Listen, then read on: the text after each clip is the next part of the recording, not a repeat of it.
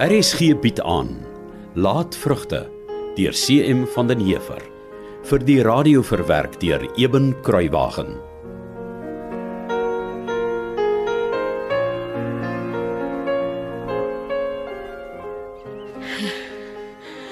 Wens so ek kon vir ouma vrou ietsie gee om te eet. Glo my, ek wens ook so. Ek is sterwend honger. Maar net soveel as 'n enkelte krummel gee vir my die vreeslikste kramppyn. My raad is nou al skoon op ouma vrou Villa. Al drie die wynflesse se medisyne maak net mooi niks. Nee, net mooi niks. Nonnie, Ouma vrou. sou dit dan nie einde wees, dink jy? Nee, nee, nee, nee, nog nooit die ouma vrou. Nee, nee ouma, ouma vrou moenie eens daardie woorde dink nie, asseblief. Ek weet nie hoe lank ek dit nog kan verduur nie. Maar ek sê mos. Ek is seker soos wat ons nou vanmiddag in hierdie spens van ouma vrou sit. Daai skaapwagter wat ouma vrou ander maand weggejaag het, sit agter die ding. Hy het vir ouma vrou getoer. Jy weet ek glo nie in sulke goed nie, Nonnie. Dit maak nie saak nie, ouma vrou. Glo of nie glo nie. Toer bly toer. Ek sê nog, ouma vrou moet die slams laat kom. Hy sal net hier buite onder die drempel grawe in die toergoed daar uithaal. Dan's als oor. Ouma vrou word gesond en die kwaaddoener kry die toer op homself. Nee, Nonnie. Ek dink nie ek moet dit doen nie. Maar wil ouma vrou dan daardie slegte boosdoener laat wegkom met sy toergoed en al daai? Nee, nee, dis nie dit nie. Nou hoe dan ouma vrou? Ek Ja, kom ek wees nou maar eerlike reg met jou. Ek's bang vir die toornaars. En buitendien verbied die Bybel mense om jou met sulke satans goed op te hou. Maar ouma vrou het dit mos nie gaan soek nie. 'n Heidende die vreeslike ding op ouma vrou kom sit. Ja, ek wens ek weet wat om te doen. My lyf sê ek moet die slams laat kom sodat die pyn kan oorwees. Maar my hart sê vir my dis verkeerd en die Here sal my straf om nie te praat van die skinderbekke as die ding op die lappe moet kom nie. En sê nou die slams kom en ek betaal hom 'n hoop geld en is alspuur verniet omdat dit toe al die tyd nooit toergoed was nie. Nee, ek weet nie. Nou maar as ouma vrou nie die slams wil laat kom nie en die in die medisyne help nie, dan bly mos net die dokter oor. Al wat die dokter van weet is hospitaal en mes. Ek sterwe liewers hier in my eie huis voor hulle my na daai bose plek toe vat. Ek het genoeg gehoor van die vreeslike marteling wat die stomme hulpelose mense wat in goeie geloof so intoe is, daar moet verduur. Nee, nee, Nonnie. Beloof my asseblief net dit Ja, ouma vrou. dat jy my nooit ooit hospitaal toe sal vat nie. Ai, ouma vrou. Sê jy beloof? Ek beloof ouma vrou. As ek net sterk genoeg kan bly iedere week as die kinders kom vir die Sondag godsdiens. Gelukkig kom meneer Sybrand mos nie meer saam boeke vat nie. Ja, maar die stomme Gert is so desperaat. Hy sal enige ding teenoor sy brand uitblaker as hy meen hy kan sy eie bas op die manier probeer red. Ai, ouma vrou. En ek is so benoud hulle sien hoe geel my gesig en my hande is en dat ek nie kan regop staan nie. Hulle mag nie weet hoe swak ek geword het nie, Nonnie. Anders hoe gaan ek kan keer dat sy brand my se muur kom oplaai en hospitaal toe vat? En glo my, dit sal nie wees van omgee nie. Dit sal net wees sodat hy my van die plaas kan afsit.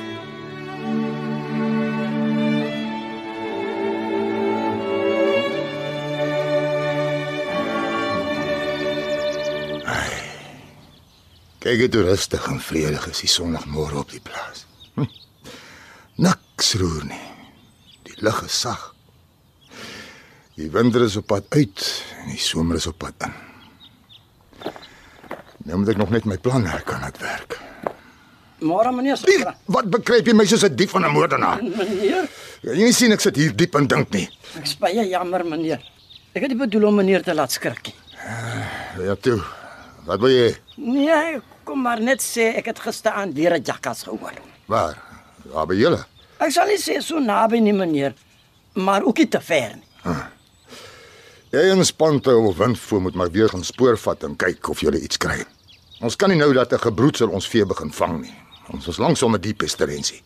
Ja meneer. Was dit al? Ja, meneer. Lekker rustige Sondag meneer. Januarie. Ja, meneer. Is jy nou op pad iewers heen? Maar net weer terug huis toe, meneer. Kom sit hier. Ek wil met jou praat. Ja, meneer. Nee man, kom sit hier waar ek jou kan sien. Ja, meneer. Jy weet mos ek het planne Meneer? om Boskloof die beste plaas in die hele kontryk te maak en die grootste. En ek sal die baas wees. Ja, meneer. Ek het die afgelope week gereken en somme gemaak. Hoekom, meneer? Want is nodig. En ek het die plaas van baken tot baken weer afgestap sodat ek kan weet of my planne nog in die regte koers loop. En loop hulle nog op die regte koers, meneer? Uh, meen so. My uh, vangstok lê reg. Ek sien. Ek hou daarvan om hier op die veldstoel te sit en uit te kyk oor die wilkerbome. Dit is vir my baie rustig. Ja, meneer. Kyk daar. Gert en Maria is op pad om by ma te gaan Sondag godsdiens hou. O ja, ek sien, meneer. Nou nie sê vir my dis iedere Sondag se ding. Dit is van ma nie meer kan kerk toe gaan nie. Maar sy glo nog sy kan boer. Of nee, natuurlik weet sy haar tyd vir boer is verby. Maar sy bly sit net sodat sy my kan vermaak. Net sodat sy nog kan sê sy is die baas. Maar ons almal weet ek's die enigste regte boer op Boskloof. Ek sê wat gaan vir wat. Ja, meneer. Ja, nou Gert gaan nou weer vir 'n stukkie uit die Bybel lees en dan steek hy Kamalilie se preek af. Ha! So wat van 'n aakligheid jy in jou lewe nie gehoor nie. Klink na iets tussen 'n hond wat wurg en 'n kalf wat vir die eerste keer bulk. Geen mens praat so nie. Omsallige sot. Ken hom in al jou weë. Dan sal hy jou paai gelyk maak. O, hierdie wonderlike woorde van Salomo in Spreuke 3 vers 6, my dierbare geliefdes, wil ek vanmôre aan u voorhou as my teksvers. Ons ken die ongelykhede in ons pad hier na Boskloof se werf. Net so ook ken die Almagtige die ongelykhede in ons lewenspad. En ons moet op hom vertrou en op hom steun met ons hele hart, soos dit daar staan in vers 5. En wanneer ons hom ken in alles wat ons doen, ja, in al ons weë, dan sal hy ons paie gelyk maak. O, hoor u die wonderlike belofte, geliefdes? Hoor u die uitnodiging dat ons die Here ons God moet ken in al ons weë sodat hy ons paie, ons lewenspaie vir ons kan gelyk maak? En meneer het dit self gehoor. Tot my spyt. Maar dit was net na pa se dood. Toe het ek 'n paar keer ter wille van ma die gechunk probeer verduur, maar dit het al te gou te veel vir my geword. En hoe het meneer toe daar uitgekom? Ek het begin verskonings uitdink.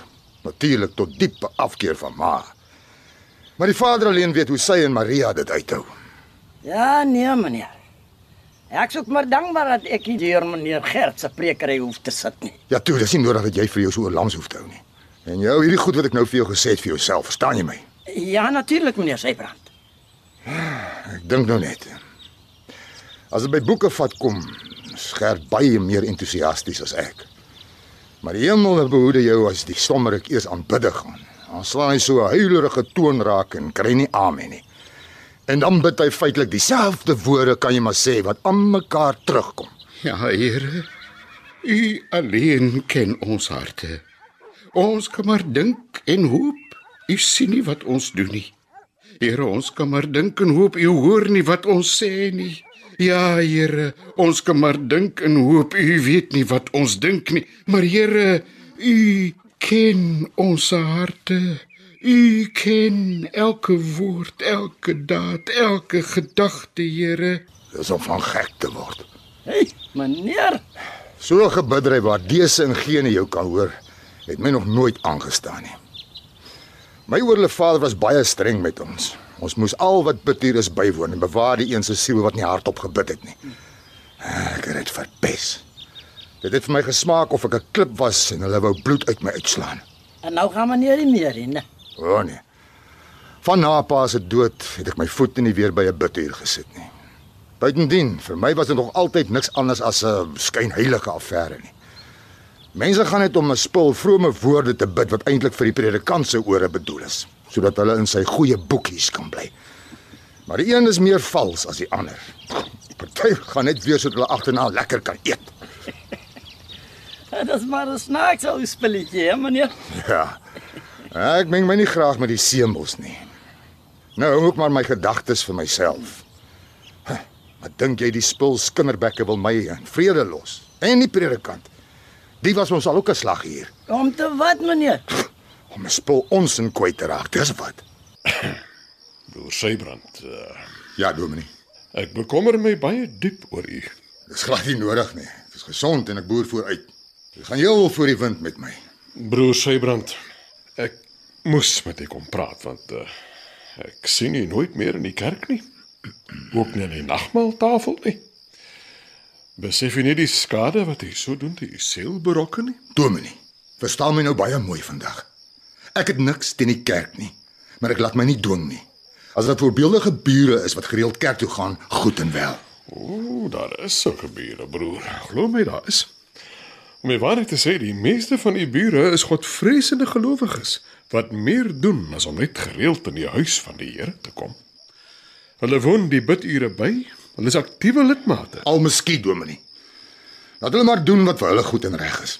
Ek meng my nie met die semels nie. Broer Sybrand, Ek maak soos ek wil. En my lewe en my siel is myne om mee te maak soos ek wil. Niemand het nodig om hulle oor my saligheid of my lewe of my siel te bekommer nie. Verstaan ons mekaar? u goddelose houding stem my diep onrustig.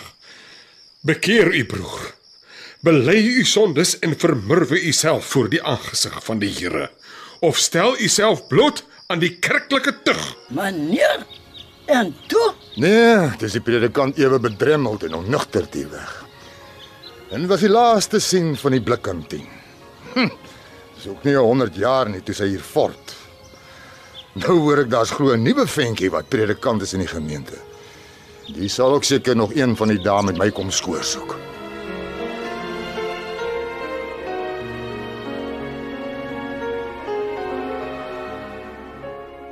RSG se middagvervolgverhaal Laatvrugte deur CM van den Heever is in 1939 uitgegee deur Nasionale Pers. Die verhaal word in Kaapstad opgevoer onder regie van Eben Kruiwagen.